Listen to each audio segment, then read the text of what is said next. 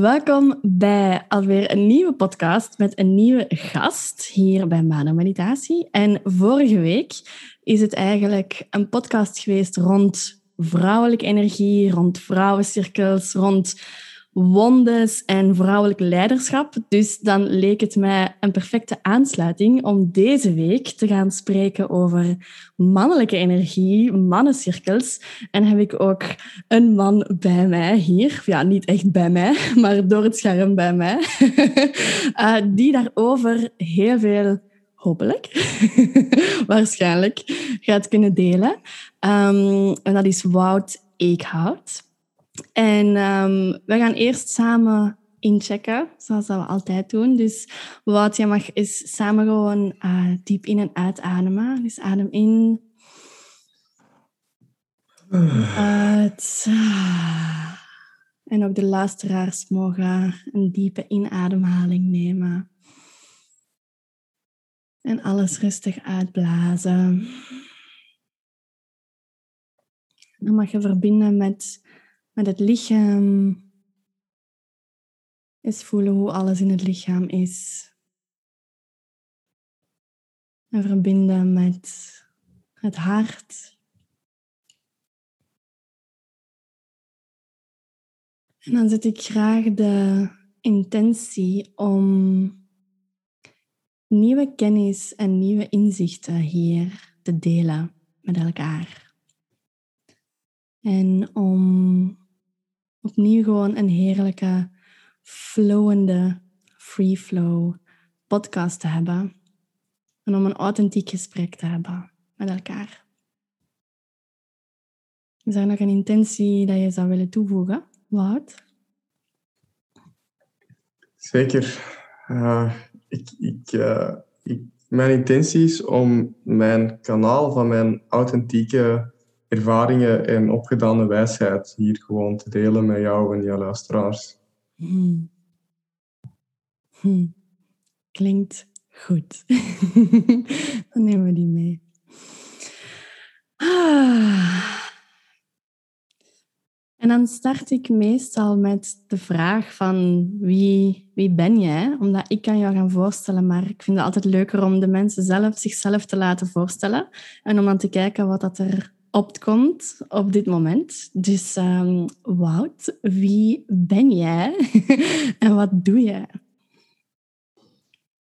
Ah, Oké, de, de eeuwige vraag die je kan blijven stellen tot aan de verlichting.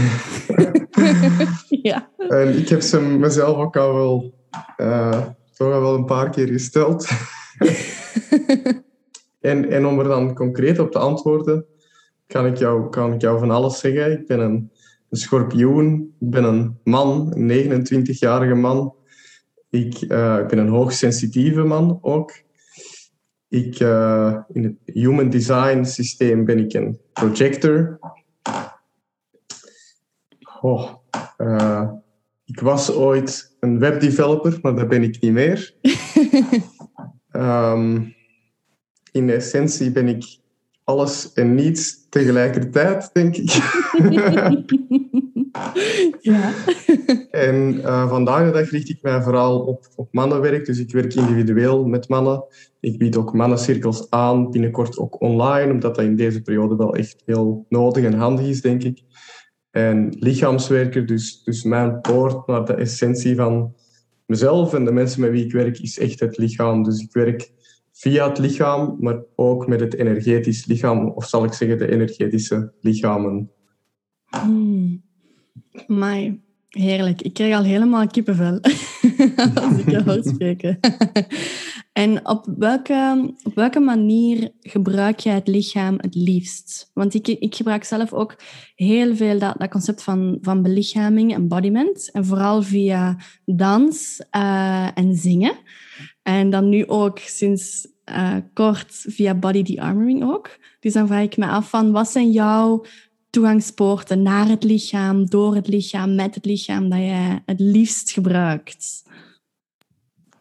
Hmm, fijne vraag.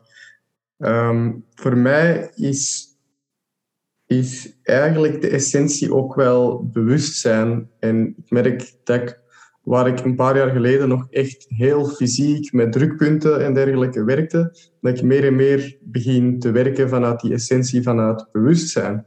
Dus uh, wat, wat, voor mij eigenlijk uh, mijn favoriete manier is, is eigenlijk zelf heel hard aanwezig zijn in mijn centrum, in mijn ontspannenheid, en van daaruit eigenlijk ja, een draagvlak bieden, of, of die warme baarmoeder, of hoe dat je het ook wilt noemen, waarin eigenlijk al die contracties en spanningen daar vastzitten, gewoon hun, via hun natuurlijke weg kunnen beginnen, de bevroren deeltjes kunnen beginnen mm. smelten, tot, tot als die levensenergie weer, weer vrij kan komen. Dus voor mij is, is het, om, om het simpel te zeggen, is het gewoon echt ruimte houden, maar echt een kwalitatieve, aanwezige, mm. warme, onvoorwaardelijk liefdevolle ruimte. Ja, wauw, mooi. Ja, en ik herken die, die aanwezigheid ehm, van de training die ik gevolgd heb van de body de-armoring. En het is grappig, want voor de luisteraars... Um, en wat, jij weet het misschien ook niet, maar dat is al een tijdje dat ik jou in het oog aan het houden ben. op, uh, op Instagram en dat ik jouw naam had doorgekregen van een vriend. En ik voelde van, ik ga hem op een gegeven moment ga ik hem vragen van, wil je op een podcast komen? Of willen we eventueel eens kijken of dat we kunnen samenwerken of, of, of wat dan ook. En het is pas na mijn training van body de-armoring, dat ik in augustus gevolgd heb bij uh, Suzanne Roerskaart, dat ik zoiets had van, ik ga hem nu een berichtje sturen. En diezelfde dag zet jij op je Instagram story van ah, ik heb net een body de-armoring gegeven. Dus ik had zoiets van, wat? Hoe, hoe kan dit? dus ja, en die, die liefdevolle aanwezigheid dat je nu beschrijft, zo die veilige ruimte, dat is echt ook iets waar zij um, heel diepgaand mee kan werken. Dus ik, ja, ik kan echt helemaal zien van waar dat, dat komt. En um, ik vraag me af ook wat dat jouw pad is geweest of is naar die body de-armoring of in die body de-armoring. Um, ja, wat dat jou daar naartoe gebracht heeft en hoe dat jij dat nu gebruikt. Ja, en uh, ik ga daar direct op terugkomen. Ik wil daar nog iets aan toevoegen. Mm -hmm. ik denk dat ook heel belangrijk is in deze wereld, is dat je de juiste transmissies krijgt.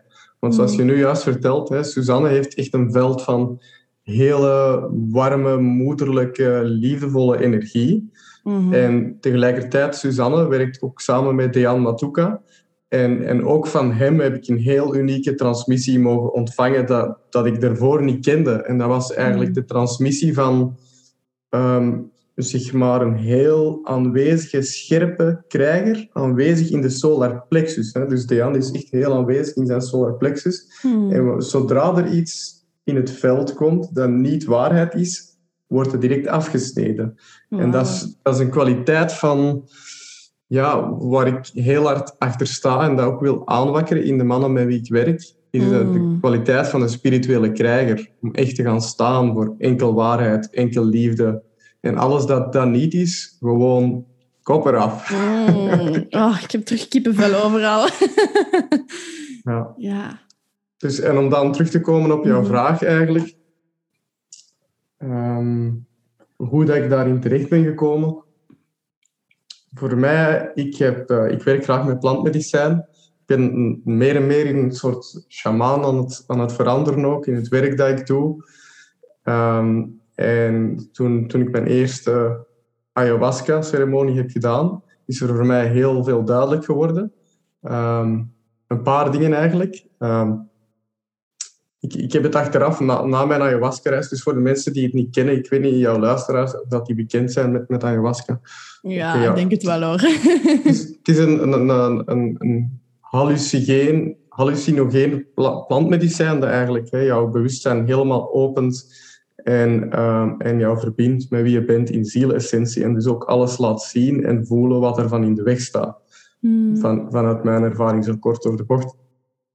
Um, en, en dus, dus ayahuasca, de moederplant noemen ze ook wel de moeder, heeft, heeft mij dus laten zien uh, dat ik in drie delen van mijn leven eigenlijk totaal niet aligned was. Hè? Dus in, in lijn stond met mijn ware zelf. En ik heb die samenvatting dan op het einde van die reis gemaakt voor mezelf. En dan zo een, een plan gemaakt van oké, hier ga ik de komende jaren aan werken. Ja. En dat waren eigenlijk drie dingen. Eén, ik nam, ik nam mijn plek niet in in mijn familiesysteem. Dus ik Hmm. was eigenlijk zo wat het, in, in familiesysteemtheorie was ik het, eh, het onzichtbare kind.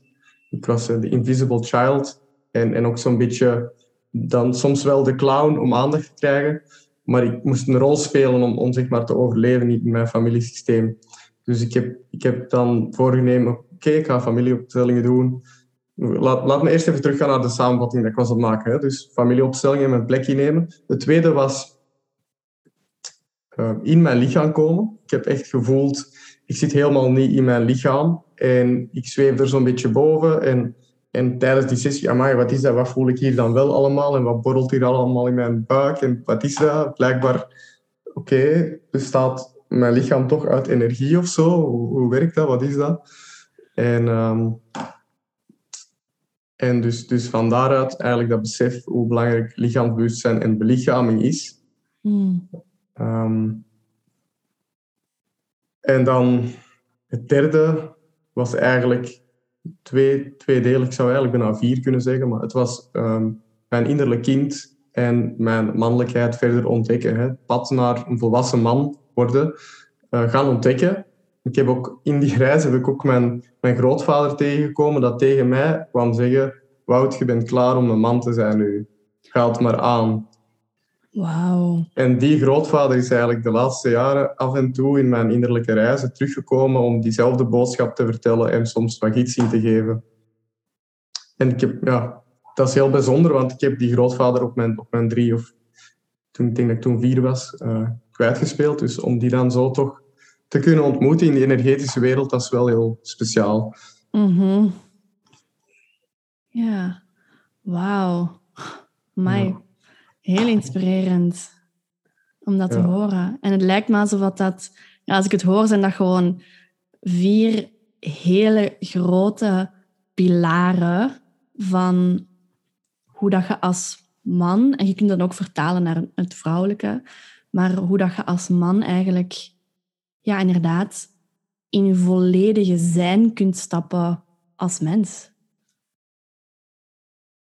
Ja, en dat is ook telkens, dat is toch wel wat, zo wat de rode draad door mijn leven is. Hoe kan ik mijn volledige potentieel op deze aarde neerbrengen? Dus niet enkel in mijn hoofd of in mijn verbeelding, maar echt mijn zuiverste potentieel op de aarde.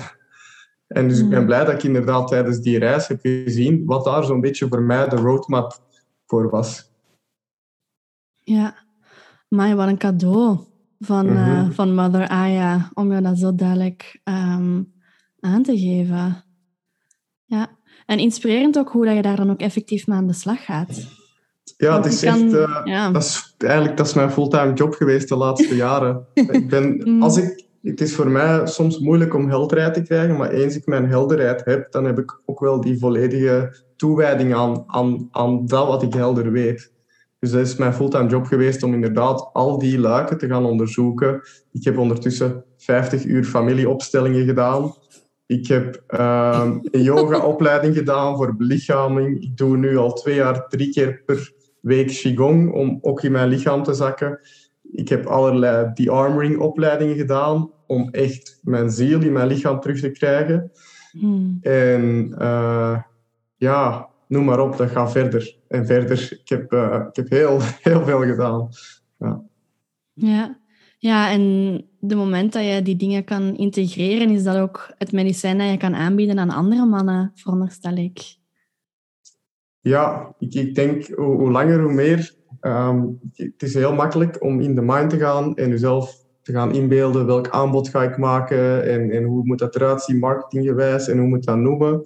En, en gewoon als ik dan dieper in mezelf ga voelen, dan besef ik met keer op keer, het, het draait niet om hoe het eruit ziet of de verpakking. Het, het draait erom wie ben ik op die moment en is dat gewoon mijn ware zelf. En dan trek ik automatisch de, de mensen aan die bij mij horen te zijn op die manier. Mhm. Dus je, je moet je inbeelden, hè, Jezus en, eh, en ehm, ja, Jezus die had geen social media. Hè? en toch had hij honderdduizenden volgers. Hmm. Dus dat is zo, ja, dat is wel inspirerend, vind ik. Mhm. Ja, dat is dat magnetisme ook. Hè? Die magnetisme van, van authenticiteit, van echte pure wijsheid, van ja, onvoorwaardelijke liefde en verbinding met de bron ook.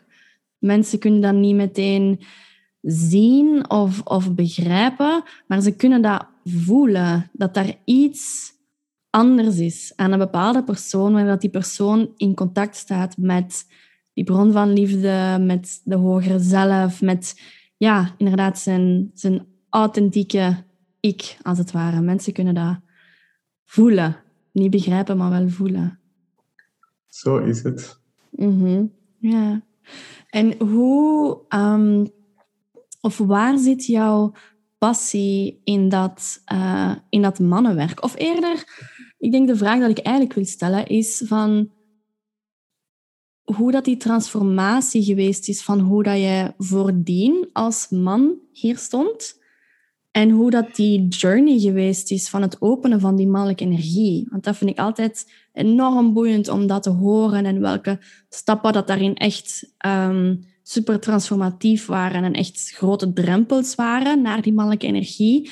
En dat is wel fijn om, uh, om te horen en te delen ook met, uh, met de luisteraars. Ja, ik kan, ik kan daar kort op ingaan. Of ik zou, ik zou mijn hele verhaal kunnen doen vanaf 2012, mijn ontwaken. Zie maar wat je, wat je liefst zou. Goh, ik heb wel graag de long story. Als het goed voelt voor je om dat te delen, dan hoor ik het graag. Van begin tot, tot nu. ja, ja ik, ga, ik ga het in een notendop proberen doen, want het, zal, het is een heuse brok. um, maar um, ik heb, ik heb eigenlijk het voornaamste deel van mijn leven achter de computer doorgebracht. Omdat ik, um, ja, zoals ik zei, ik kon, ik kon mijn plek niet innemen in mijn familiesysteem. Dus als overleving voor, voor toch mijn, mijn lichaam en dus ook een beetje, een klein stukje van mijn ziel hier nog op aarde te houden, moest ik echt ja, uh, me, mezelf sustainen, zeg maar, achter de computer in een, in een virtuele wereld. Omdat ik me mhm. daar wel nog veilig voelde en daar ook nog wel contact kon maken met dan de, de mede-gamers uh, op die mm. platformen. Uh, en en van dat, vanuit dat computergegeven ben ik dan informatica gaan studeren, toegepaste informatica, en heb ik dan zo'n beetje mijn weg gevonden in, in het, het webdeveloper gegeven uiteindelijk. Um, tot ik ineens um, even terugdenken. Hè. Het is een hele oprakeling van mijn verleden nu. Tot ik dan in 2012, ik was afgestudeerd, ik was mijn weg aan het vinden in, in die wereld. En ik mocht voor KBC werken in Leuven, groot gebouw, ja, duizenden mensen. En eigenlijk gaat het nog terug naar toen ik in Brussel, echt, ik zou zeggen, in de kern van de Matrix was aan het werken. In Brussel, een van de twee Belgacom-gebouwen waar 6000 man zit. En ik was een van die 6000 schaapjes op dat moment, zou ik hmm. zeggen. Ehm, en ja, ik was totaal onzeker over wie ik was en wat ik daar was aan het doen. Ehm, ik was volledig zo goed als in slaap. Hè. Mijn, mijn dag was overdag werken in, de, in het Bellecom-gebouw achter de computer, scriptjes schrijven en dan s'avonds thuiskomen en gamen. Hmm. En, en dat was het. Er was dus niet echt uh, een authentieke zielexpressie zoals ik nu wel kan ervaren. En ik, uh, ik had zo wat de verkeerde vrienden eigenlijk ook wel op die moment. Ik, um, omdat er ook, omdat er, er was ook wietgebruik, hè, dus ik, ik, uh, ik, smoorde dan ook wiet. En dat ging dan samen met dat gamen. En dat ging eigenlijk toch wel achteruit. Ik was ook wel wat depressief. Mm. Um, tot ik op een gegeven moment in een, een, we hadden een weekendje met die, met die vrienden dat, dat ook hè, wiet. En we gingen toen iets van een, ik weet niet, 100 gram met man of zeven man smoren. Dat was zo hè, het idee. En um, tijdens die avond dat we daar dan waren, kreeg ik een soort van inzinking. En um, ik, ik, ik raakte vast in een negatieve gedachtenspiraal echt allerlei gedachten die, die me heel hard angstig maakten. Van, oh, ik ben heel zwaar autistisch en ik ben een rare en zo. En dat mm. ging helemaal door en door en door. En ik had er dan ook nog eens extra oordeel op. En ik had helemaal niet de tools die ik nu wel heb om mij te centeren in mezelf en mezelf te reguleren, zeg maar. Dus wat doe ik? Ik ga naar het toilet. Ik kijk mezelf in de spiegel. Dat verhaal wordt nog erger, want ja, ik zit al helemaal in die gedachtenspiralen. en ik, oh, ik, kijk in die spiegel van, oh, ben ik daar? Ja, ik begin helemaal te draaien. Ik bel mijn moeder. Mijn moeder komt me te halen in het midden van de nacht. Niemand weet wat er gaande is. Hè. Mijn moeder vraagt, wat, wat is er? Wat is er? Ik kan dat ook niet uitleggen, want ik ben al helemaal zo bevreemd en vervreemd in mijn psyche. Um, ik, um, de volgende dag word ik wakker. Huilend spring ik op de schoot van mijn moeder, helemaal nog in um, verwarring. En ja, ik wist ook totaal niet wat er toen was gebeurd of wat er gaande was. Maar mijn moeder is uh, gelukkig professor in de psychologie, in de uh, ontwikkelingspsychologie. Dus die had wel een, iets of gevoel mm. van wat er gaande was. En uh, ik heb toen een, een, psychose gehad, uiteindelijk bleek. Hè. En dan ben ik, nadat dat zo was, ben ik um, drie maanden in begeleiding geweest, psychologen en psychiaters. En voor mij was dat eigenlijk um, de, een wake-up call omdat ik toen besefte, ja, waarom heb ik dat eigenlijk gehad? Dat was omdat ik helemaal niet in lijn was met mijn ware zelf. Hmm. En dat is eigenlijk het begin van mijn reis naar mijn ware zelf geweest. En uh, ik heb toen gezegd, oké, ik ga mijn leven gewoon op een rijtje zetten. Ik ga gewoon, ik ga gewoon nog specifieker in webdevelopment gaan. Ik ga me daarop toeleggen. Niet gewoon scriptjes hier in het Belgacom-gebouw. En, uh, en ook, ik was toen heel eenzaam en ik kwam een relatie. En um, ik heb het toen gaan toeleggen op vrouwen versieren. en uh, ja, ik, ik, um, dat, is, dat is ook een heel verhaal, een heel verhaal van mijn achtergrond. Dat ik zo kort mogelijk weer al ga proberen houden, want uh, dit, dit, mm. kan echt blijven, blijven, blijven gaan, dit verhaal. Dus oké, okay. To the point. Ik heb toen die doelen gesteld, ben eraan beginnen werken. Ook, ik wou ook een rijbewijs, dus dat zijn van die heel basic dingen om toch mijn leven terug op die rails te krijgen. Ik heb dat beginnen doen.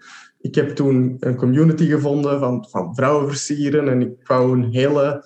Ja, ik wou vrouwen kunnen versieren en ehm, ik wou daar heel goed in worden. Dus daar heb ik mij toen eigenlijk vooral op toegelegd.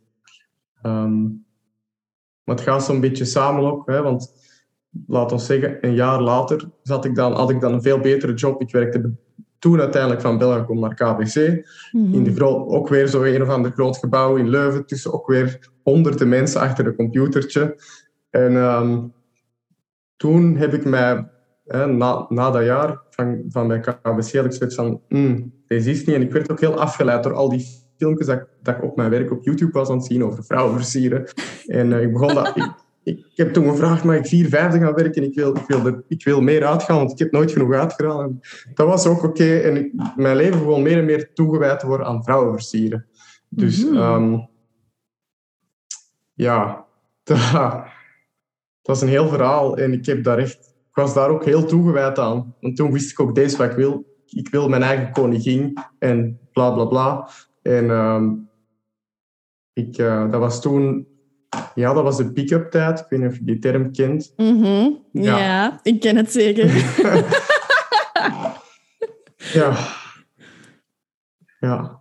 Dus uh, ik heb me daar echt op toegewijd en ik werd daar ook heel goed in. En mensen van over, mannen van over heel België kwamen naar mij in Leuven om te leren van mij en samen uit te gaan met mij. En, en ik had toen eigenlijk al mannencirkels, maar dat was gewoon nog heel gericht op vrouwen versieren. En, en er was ook een heel ongezond kantje aan dat ik ook heb geleerd dat eigenlijk gewoon helemaal niet verbonden was met het hart. Dat mm. was oké, dat was misschien verbonden met mijn verlangen, maar het, hart kwam er helemaal niet bij kijken. Mm. Dus ik heb toen ook wel echt mijn lesje moeten leren. En ik heb um, op een gegeven moment, uh, ja, heb ik, heb ik een vrouw echt wel gekwetst door mijn manipulatieve zelf in te schakelen voor mijn eigen verlangens. Hmm. En, en door die pijnlijke spiegel terug te krijgen van wat, wat heb ik dan met die, die vrouw eigenlijk aangedaan, heb ik nog eens naar mezelf moeten kijken en besef van, oh, uh, het draait niet om een macho zijn of, of de juiste dingen zeggen. Het draait om wie ik ben weer al. En ja, de meest aantrekkelijke man is uiteindelijk niet de man die alle regeltjes volgt en de juiste dingen zegt of het geld heeft, maar dat is gewoon een man die helemaal zichzelf kan zijn en daar oké mee is. Hmm. En, en, en, en zichzelf zo helemaal heeft ont, ontvouwt en ontwikkelt. Dat, dat zijn ware zelf op deze aarde gewoon al wat gemanifesteerd is, of helemaal eigenlijk. Mhm. Oh, ik had je gewaarschuwd, lang verhaal. Hè? Het is oké, ik, vind, amai, ik, vind, ja, ik vind het super boeiend om naar te luisteren. Zeker dit stuk van dat pick-up, want ja, dat wist ik uiteraard niet. Allee, we hebben elkaar nog nooit eerder gesproken. Ja. En dat is grappig genoeg, is dat iets waar ik waarschijnlijk rond die tijd dat dat hip was, dat ik ook naar die filmpjes keek, omdat ik dat zo ongelooflijk boeiend vond hoe dat, dat werkte. Ik- ja, ik kon echt video na video kijken en dat was ene, ene gast specifiek, een, ehm, een rosse man. Ik weet, niet, ik weet niet meer wat dat zijn naam was, maar ik herinner me gewoon een rosse man die helemaal niet zo knap of weet ik veel wat was, maar die zoveel zelfvertrouwen had, dat hij gewoon enert welke griet inderdaad in een handomdraai kon, ehm, ja, kon versieren, zeg maar. Maar dat was heel sterk vanuit arrogantie, vanuit ego, vanuit inderdaad eigenlijk ja, niet veel respect te hebben voor de vrouw of de persoon die voor u staat. Eh, dus dat ja. Ja. Ja, dus zijn naam is Tyler Owen Cook. Hè. Ik, eh, dat was ook een van de mannen dat ik volgde, de Ah, ja. voornaamste eigenlijk. En, ehm, en inderdaad, dat is eigenlijk gewoon trucjes en het heel goed verstaan van sociale dynamieken. Mhm, En zo eigenlijk ehm, die, die wetten eigenlijk een beetje bijna kunnen buigen. mhm, En, en ook dat bedrijf, RSD, heeft eigenlijk, heeft eigenlijk een, echt een schandaal meegemaakt, eh, waardoor zij hebben uiteindelijk ingezien dat er iets niet klopte en ook na heel lang tegen ook gewoon, ja, te- na heel lang dat verkeerde pad te wandelen, hebben zij dan ook toch hun boot wat doen kantelen naar uiteindelijk zelfontwikkeling, waar ze nu vandaag de dag Ah. nog mee, mee bezig zijn. Amai, dat wist ik niet. Ja. Zalig. Ja. Oké. Dus van mannen... Nee, van... Niet mannenversierder, van vrouwenversierder. Ja. Eh, hoe is het dan, zeg maar, verder gegaan bij jou? Ja, ja dus ik, ik begon best wel succes te, hadden, te hebben in, in dat wereldje. En, en ik was dan ook nog eens keihard tegen de lamp gelopen. En ik, ik werd terug gecatapulteerd in een klein soort crisisje. En ik besefte mij van, oké, al die vrouwenlichamen, dat is eigenlijk wel leuk, maar er moet toch iets dieper zijn. Maar Hmm. natuurlijk, ik had dat diepere nog niet in mezelf ontdekt. Hè? Die, die waarheid van de ziel. En toen heb ik letterlijk een Dark Night of the Soul meegemaakt, ook in Leuven. En ja, dat was voornamelijk met die vraag, oké, maar wat is mijn levensdoel?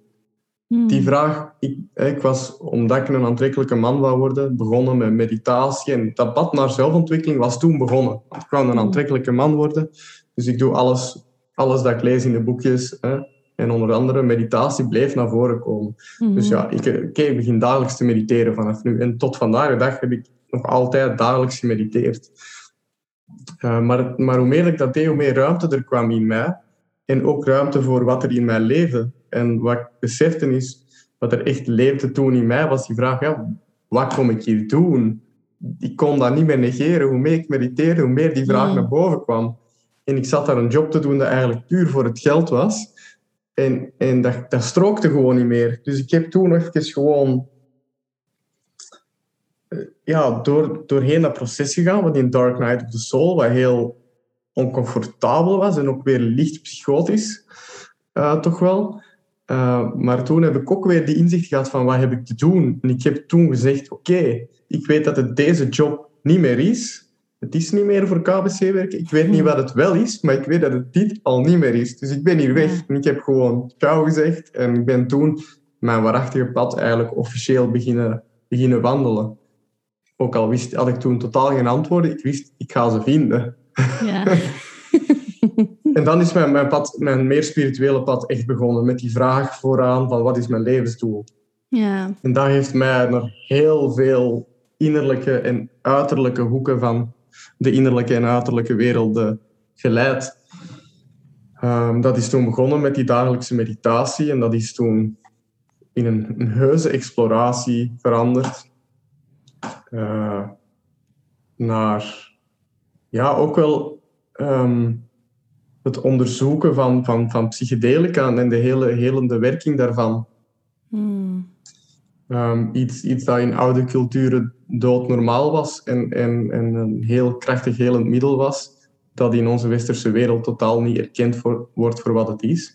Maar gelukkig vandaag de dag wel een soort van renaissance is aan het, aan het kennen. Mhm. Ja. Ehm, dus ja, dus, dus, dus vanaf ik die vraag vooraan heb gesteld van levensdoel, dat was origineel was dat nog heel veel in de boeken ook zoeken. Tot als ik dan via die psychedelische middelen de echte weg naar binnen heb gevonden. Hmm. En eh, ja, dat is een magische reis geweest. Sindsdien is mijn leven eigenlijk ook wel op een, op een, op een versnelling gewoon gegaan. Ehm, en ben ik naar allerlei retraits en trainingen. eh, om, om het zo georganiseerd te zeggen. Het is moeilijk, want het is zoveel gebeurd de laatste Ja. jaren. Maar ik kan wel wat, wat hoogtepunten eventueel eh, Mhm. beschrijven. Onder andere ben ik, heb ik tien dagen in stilte gezeten. Een berg in. Frankrijk, Vipassana, ja. Eh, maar degene dat ik heb gedaan, dat was bij Hridaya in Frankrijk. En daar doen ze ook yoga tussenin. Want meestal als je tien dagen in stilte zit in de Vipassana, dat doet echt heel veel zeer aan de gewrichten, omdat je niet mocht bewegen. Mhm. En als er een beetje yoga tussen is, dan is dat wel, eh, wel aangenaam om, om die vaste energie ook weer wat te doen bewegen.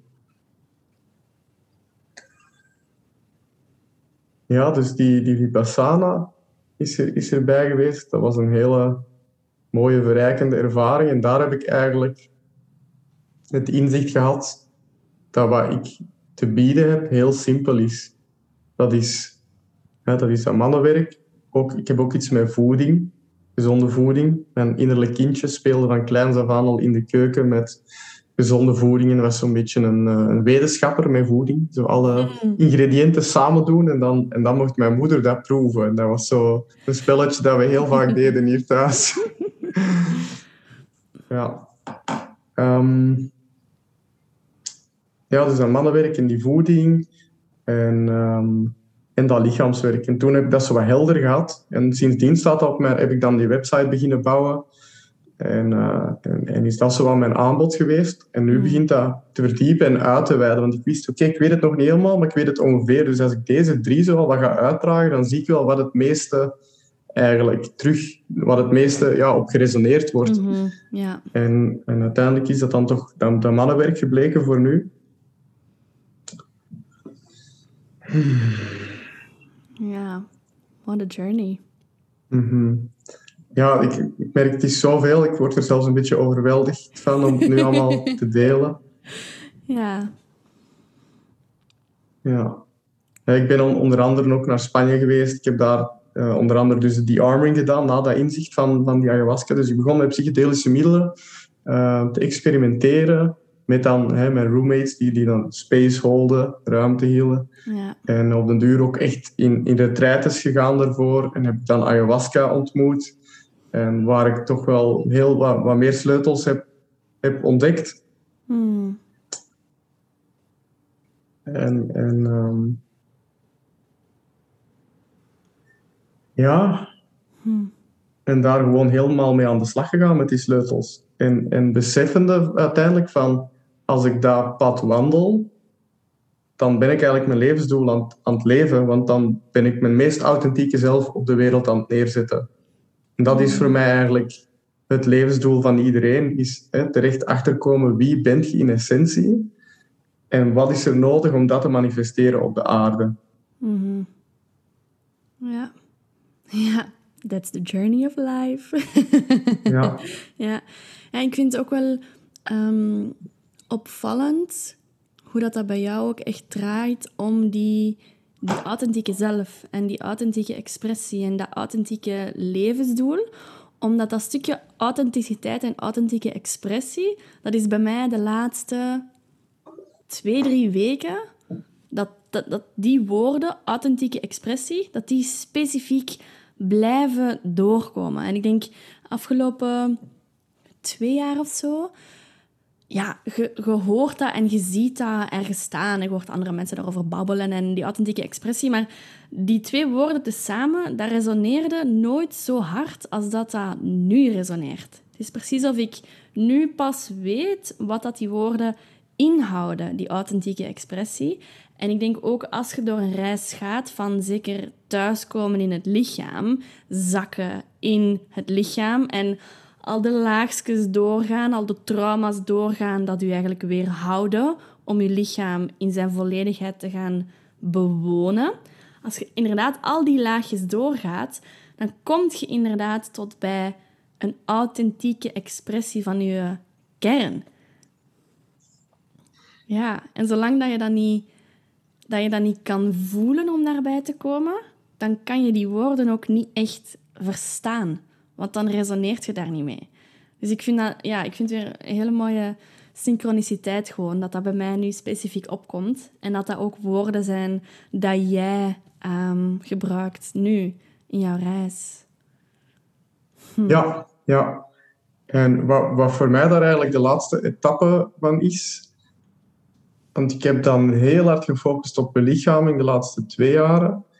En wat dan voor mij de laatste etappe is, is het stemwerk. En dat is eigenlijk heel fascinerend. Ik heb een hele mooie vrouw tegengekomen, zo een, jaar geleden, uh, dat, dat twaalf jaar in een ashram heeft geleefd in, in de Ardennen, hier in Radhadesh in België, uh, bij de Hare Krishnas. En uh, zij heeft daar twaalf jaar geleefd en al die mantras en kirtans, zij is een kirtanzangeres, meegedaan. En zij heeft me eigenlijk um, de kracht van onze stem, ja, van, van de stem laten zien. Ik heb met haar heel veel stemwerk gedaan en ik besefte van wow, dat is ook gewoon nog een hele andere dimensie aan, aan dat hele gegeven. Dan is jouw stem verbonden met jouw hart? Hmm. Of van, van waaruit spreek je? En wat staat er allemaal van in de weg? En uh, ja, dat is... Ja, dat is zo... Ik snap het nog altijd niet helemaal, maar ook daar liggen weer heel veel puzzelstukken, denk ik. Ja, ja, absoluut. Ja, bij mij is zang ook iets dat de laatste, uh, laatste anderhalf jaar is dat geopend. En is dat eigenlijk geopend omdat ik, um, zeg maar, ook door een dark night of the soul aan het gaan was. En dat ik bewust zocht naar tools om al die processen dat tegelijkertijd aan de gang waren, om die te kunnen om die ruimte te kunnen geven en om die op een andere manier te kunnen uiten en helen naast het mentaal proberen te begrijpen. En op een gegeven moment voelde ik dat ik tijdens het wandelen um, dat ik wou gaan zitten, want mijn connectie met de natuur was er sowieso al veel en dat, dat helpt sowieso al om wat draagkracht te geven wanneer dat je in heftige processen aan het gaan bent. Um, en op een gegeven moment voelde ik echt aan mijn stem dat ik wou geluiden maken, dat ik wou klanken maken. En ik had zoiets van, ja, maar dat, wat is dat nu weer voor iets? Wat ga ik hier nu doen? Dat gaat kei raar zijn. Um, en ik begin klanken te maken en ik kon zo merken dat afhankelijk van welke klank dat ik maakte, dat, dat iets in mij daarop resoneerde. En als ik de juiste klank vond en ik bleef die zingen, dan merkte ik dat al hetgeen wat in dat proces aanwezig was, uh, emoties, angsten, uh, pijn, ook specifiek lichamelijke sensaties, dat die als het ware geheeld werden door die klank. En dat die klank echt een katalysator was om dat proces eigenlijk ruimte te geven en dan te kunnen loslaten. En zo ben ik eigenlijk terechtgekomen in, die, in dat intuïtief geluid en intuïtieve uh, klanken. Want ja, dat is, dat is echt gewoon zo een fantastische tool om jezelf te kunnen helen. En om, ja, om gewoon ruimte te geven aan innerlijke processen. Om expressie te geven aan dingen dat in je innerlijke wereld zitten en dat graag geuit willen worden. Dus ja, dus ik ken de reis van klank en geluid, maar, uh, maar al te goed. Hmm. ja, er schoot me eigenlijk net nog iets te binnen. Want we gingen praten over, over mannen en mannen, mannencirkels en de mannenwereld. hè. En uh, ik besef me net, um, om, om mijn verhaal nog een beetje uh, rond, rond te maken. Mm -hmm. Uh, hoe is het dan bij mij uiteindelijk toch meer bij mannenwerk terechtgekomen? Is omdat ik dat besef had, dat eigenlijk wat ik wat ik, al, wat ik de laatste jaren allemaal heb gedaan, dat komt neer op ja, man, man zijn en man worden. Mm. En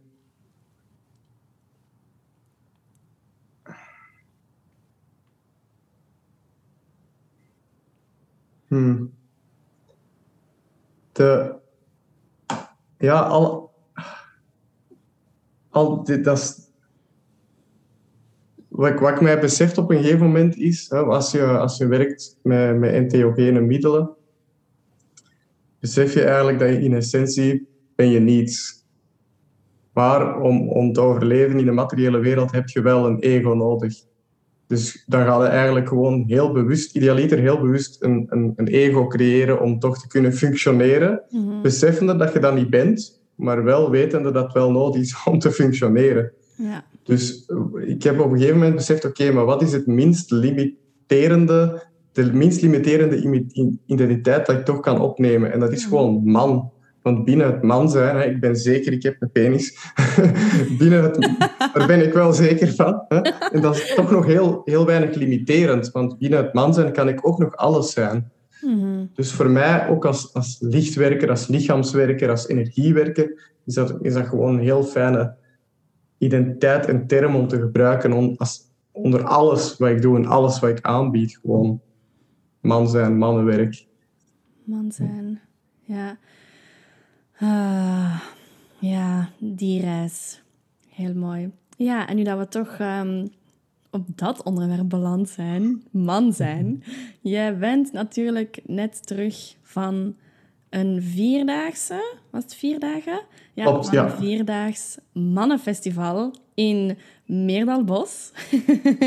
Dicht bij waar dat ik woonde, in Hullenberg. Ehm, dus ik zou zeggen, hoe was dat? En wat heb, jij, wat heb jij daar gefaciliteerd? Of was je gewoon deelnemer? Maar normaal gezien heb je ook gefaciliteerd. Ehm, ja, en hoe was die hele ervaring van dat mannenfestival? Want ik denk dat dat... Ik heb wel wat mannen als luisteraars, maar voornamelijk vrouwen. dus ik denk dat zij heel benieuwd zijn naar wat dat er daar allemaal gebeurt op dat mannenfestival. dus nu heb ik de ingang om achter de schermen eens te gaan kijken van hoe dat, dat mannenfestival in zijn werk gaat en om een beetje misschien voeling te krijgen van de kracht en de magie dat er daar gebeurd is via jouw ervaring ervan. Ja, ik weet, ik weet niet of ik alle, alle geheimen, alles wat er achter de gesloten deuren gebeurt, ga weergeven, ga delen. Maar ik, kan, ik ga wel een stukje delen. Ja. En ehm, wat, dus, vorig jaar heb ik echt mee georganiseerd, zat ik mee in het in de organisatie, in het kernteam. En dit jaar ben ik voornamelijk aanwezig geweest als hoeder. Want ook tijdens het mannenfestival hebben we mannencirkels. Uh, tussen 200, laten we zeggen 200 mannen, want de rest zijn trainers of organisatie. En dat er 200 deelnemers zijn effectief. Die worden verdeeld in mannencirkels hè, per acht man. En die gaan dan elke dag uh, samenkomen om te bespreken wat er allemaal is gebeurd, de processen uh, die gaande zijn van alle workshops dat ze hebben gevolgd. Mm. En dus ik was een van de hoeders en um, ik kom dan dagelijks samen met een mannencirkel om de mannen een beetje op te volgen doorheen de processen die ze meemaken op, op het festival. Um, ja, en, en de mannen. Dus dit jaar was het thema verbinding. Mhm. En uh, ik, had het de vorige jaren is dat thema ook altijd. Hè, op de voorbereiding is dat thema wel naar boven gekomen. Van, gaan we het over verbinding hebben? Of gaan we het over waarachtigheid hebben? Of gaan we het over zo'n thema voor het festival? En dat thema verbinding is altijd een beetje blijven liggen tot dit jaar. En ik kon daar persoonlijk de kracht niet van inzien. Ik was altijd zo iemand, de, de, de warrior, de truth warrior. Hè? Zo van, mm. Laten we het daarover hebben, over purpose en waarheid en gewoon die scherpte. En, uh, en verbinding, ja, oké. Okay. Maar uh, ik heb dit jaar echt gezien dat er zoveel kracht in zit. Want eens we echt dat pad naar verbinding kunnen wandelen, naar elkaar toe, dan ontstaat er een opening die er anders niet zou zijn. Dan ontstaat er een veiligheid om ons ware zelf echt te laten zien aan elkaar. En dat hebben we dit jaar gemerkt op het veld, dat mannen zich nog veel meer openden naar elkaar toe, naar alle andere 240, 50 mannen toe. Ehm, en, en ja, dat is gewoon zo krachtig. Want dat, dat, was vorig jaar helemaal niet op dat niveau. Er waren een paar dat er bovenuit sprongen en dan iets deelden voor, voor de grote groep. En dit jaar waren er heel veel mannen die vanuit die verbondenheid hun veilig genoeg voelden om, hmm. om echt met, met iedereen te praten. Dat was heel mooi om te zien, want er ontstond dit jaar ook een, een, uh, een, een veiligheid dat er daarvoor niet was, of van een dieper niveau, waardoor er zachtheid echt aanwezig mocht zijn onder mannen. En ik denk dat dat zo iets nodig is vandaag de dag in onze hardworking, oude patriarchale structuren. Dat mannen die zachtheid mogen kennen in hunzelf. Mm hmm. Mooi. Ja, ik denk dat je daar ook een hele, hele noodzakelijke waarheid spreekt. In die zachtheid voor, voor mannen, inderdaad. Hm. Hmm. En wat was voor, um, voor jou misschien een van de krachtigste momenten van het Mannenfestival?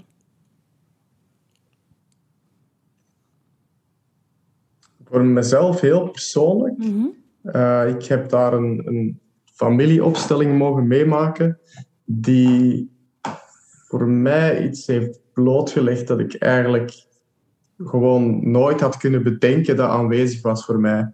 Dus ik heb daar een, familieopstelling gedaan die helemaal terugging tot de geboorte, tot in de baarmoeder, waarin, blijkbaar een, waar, waarin ik blijkbaar een tweeling was en ik die tweeling heb verloren in die baarmoeder. En ik dus heel mijn leven lang een gemis heb gehad dat ik eigenlijk niet kon plaatsen. Dus dat heet de Vanishing Twin Syndrome. En ik zag daar in die opstelling op de grond mijn tweeling liggen, ineens, want die werd dus die persoon werd opgesteld, we voelden dat dat nodig was. Niemand wist wie dat was, maar die ging dus echt zo op de grond liggen alsof die dood was.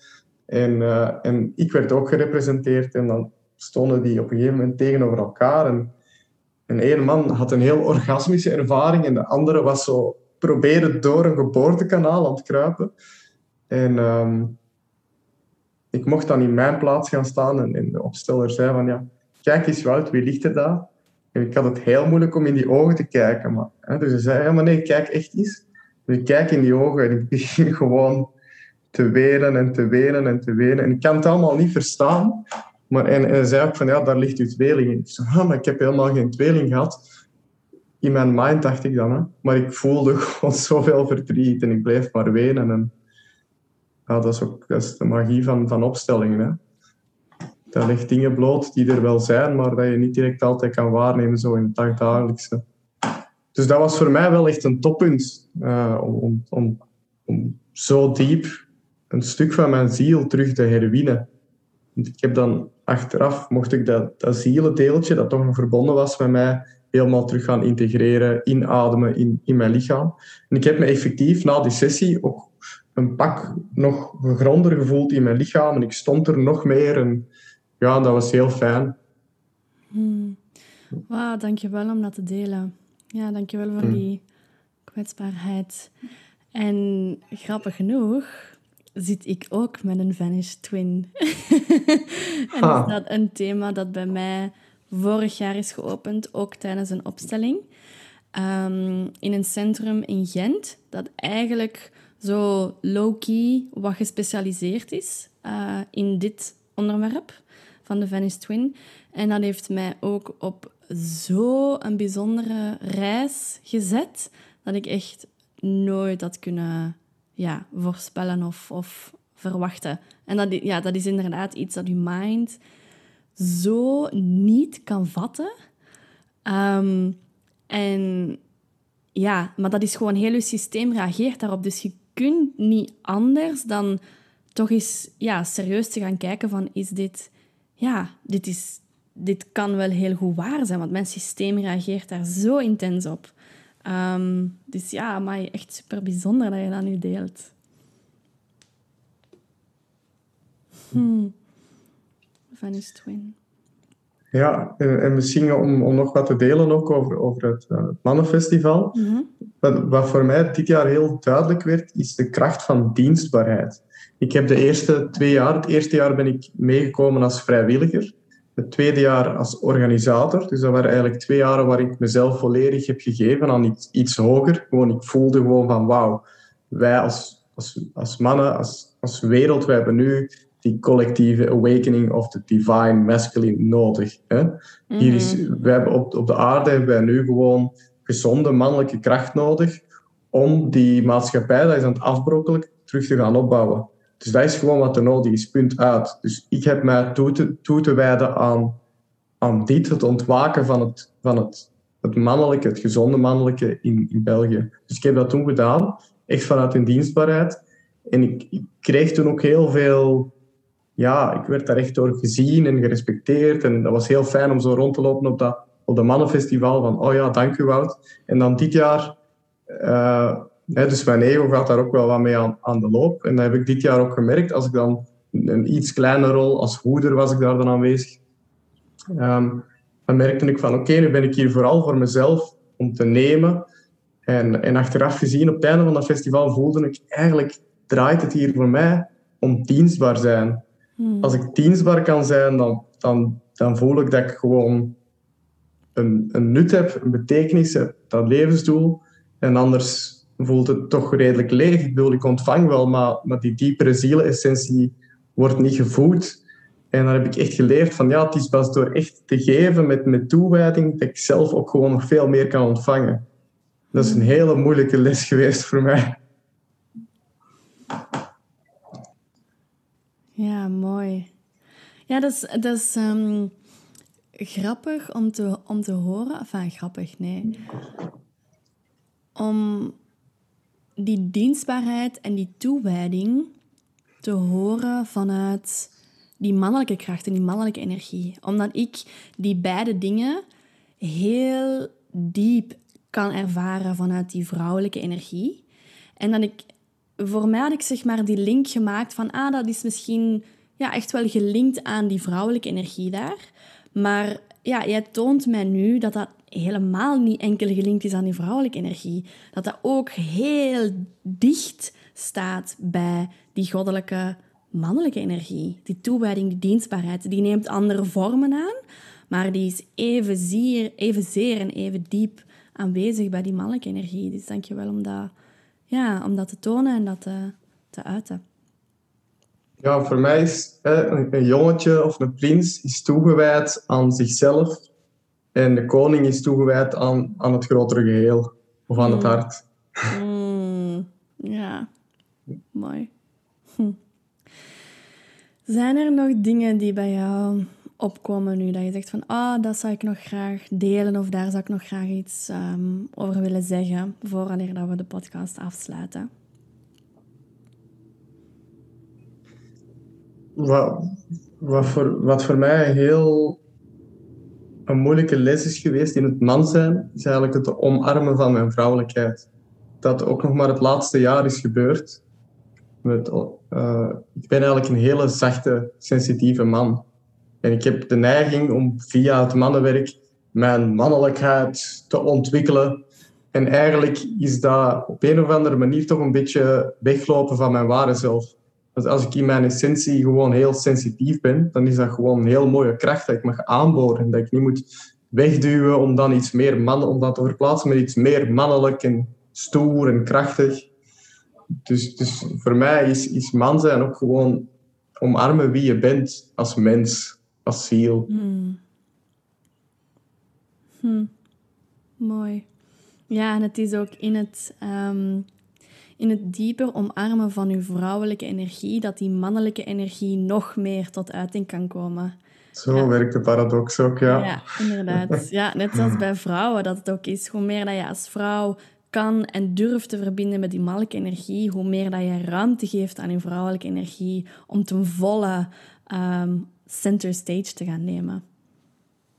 Ja. Heerlijk. Ah, heerlijk. Als er luisteraars zijn die zeggen van oh, dat gesprek met Wout was echt super inspirerend en ik wil graag eens met hem samenwerken of een mannencirkel gaan volgen bij hem, hoe kunnen mensen jou dan vinden? Dat is heel simpel, wouteekhout.com. En ook gewoon onder mijn naam kan je mij op Instagram of op Facebook vinden. Ja, perfect. Ik zal jouw link naar Instagram en de website in de, in de notities van de podcast zetten. Uh, dat mensen jou daar gewoon kunnen vinden. En ja, dan wil ik jou gewoon nog heel graag bedanken voor dit fijne gesprek. Um, om jou beter te mogen leren kennen. Jouw journey, jouw kwetsbaarheid, jouw zachtheid, jouw kracht, jouw stem, jouw authentieke zelf. Dank je wel om dat allemaal zo eerlijk uh, te tonen aan mij en aan de mensen die de podcast zullen luisteren. Um, dus dank je wel daarvoor. Dank u wel, Manon, om uw licht te schijnen op mij om dat, en om dat naar boven te brengen. Hmm, dat is graag gedaan. En voor de luisteraars, als de podcast jou geraakt heeft of geïnspireerd heeft, aarzel niet om te delen met familie, met vrienden, met collega's, met eender wie. Uh, en je kan ook Wout en mij altijd een berichtje sturen als je graag dieper in wil gaan op bepaalde onderwerpen of gewoon als je graag een babbel wilt hebben. Uh, dan is dat ook altijd welkom. En dan wens ik jou nog een hele fijne dag, een hele fijne week en een hele verbindende en krachtige, maar toch zachte week toe. Tot de volgende.